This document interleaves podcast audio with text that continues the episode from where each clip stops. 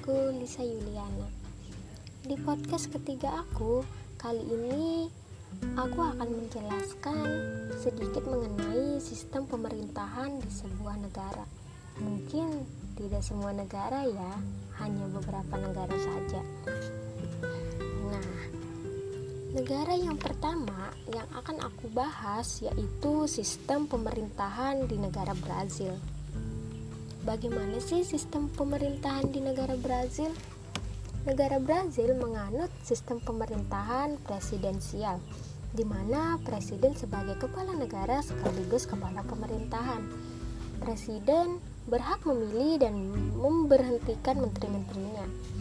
Parlemen Brazil disebut Kongres terdiri dari 81 anggota senat, tiga orang dari setiap negara bagian dan distrik federal serta 513 anggota DPR.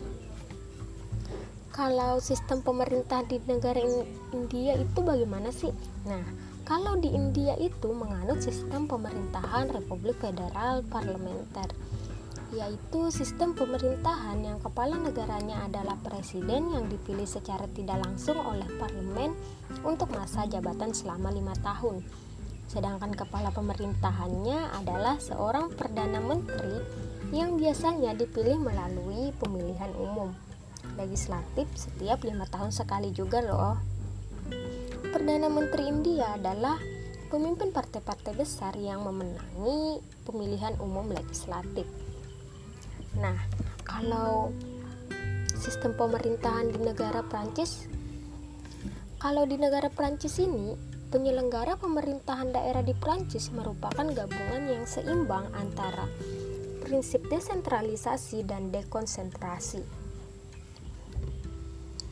Dalam konteks desentralisasi, menjaga secara bersama-sama dan menjamin suatu keseimbangan ekonomi, sosial, dan kesatuan wilayah sehingga sangat diperlukan adanya tingkat dekonsentrasi pemerintahan pusat mengontrol penyelenggaraan pemerintahan dan tindakan anggaran serta keputusan pemerintah daerah.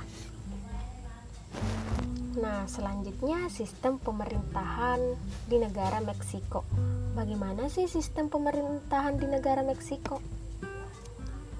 Negara Meksiko menganut sistem pemerintahan presidensial.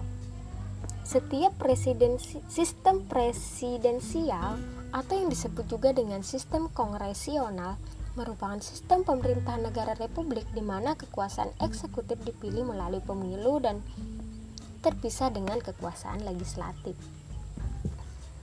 Selanjutnya, sistem pemerintahan di negara Jerman. Negara Jerman untuk saat ini menganut sistem pemerintahan demokrasi parlementer.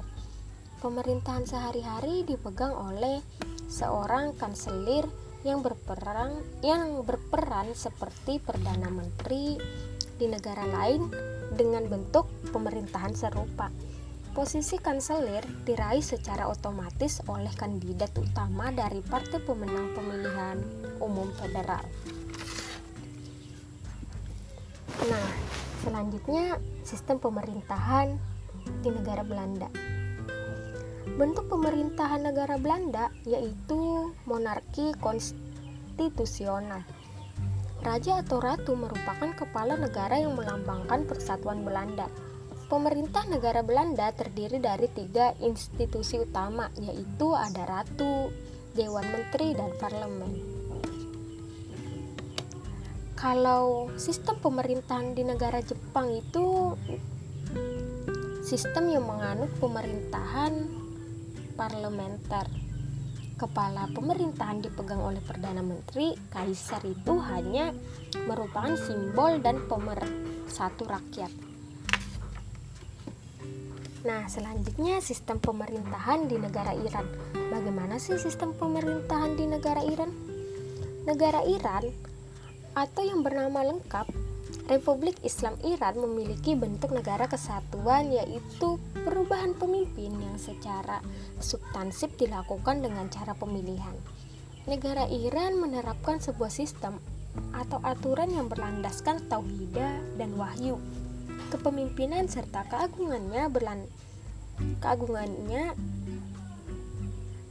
martabat dan nilai luhur kemanusiaan karena dasar negara Iran yang berlandaskan pada agama Islam. Nah, di negara Iran ini kayak memang sangat berlandaskan pada agama Islam ya. Nah, selanjutnya sistem pemerintahan di negara Argentina.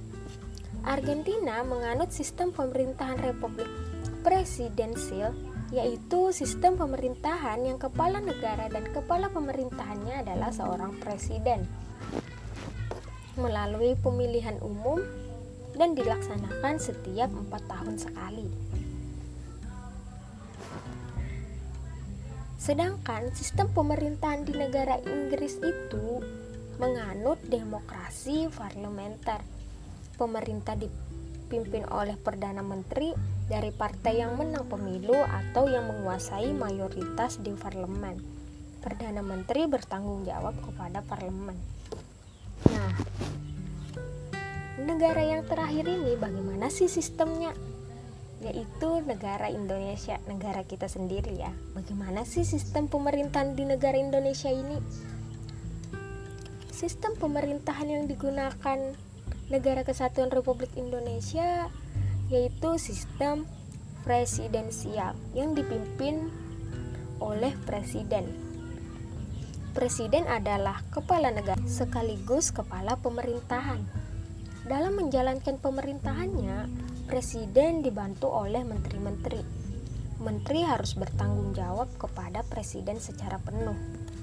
Dan juga negara Indonesia mempunyai badan atau lembaga negara yang berlandaskan pada trias politika yang dibagi ke dalam lembaga legislatif, eksekutif, dan yudikatif. Nah, itu tadi sedikit penjelasan penjelasanku mengenai sistem pemerintahan di beberapa negara. Mungkin tadi ada 11 negara ya. Saya ucapkan terima kasih kepada teman-teman yang telah mendengarkan, semoga bermanfaat. Jangan lupa jaga kesehatan kalian dan jangan lupa bahagia terus ya. Wassalamualaikum warahmatullahi wabarakatuh.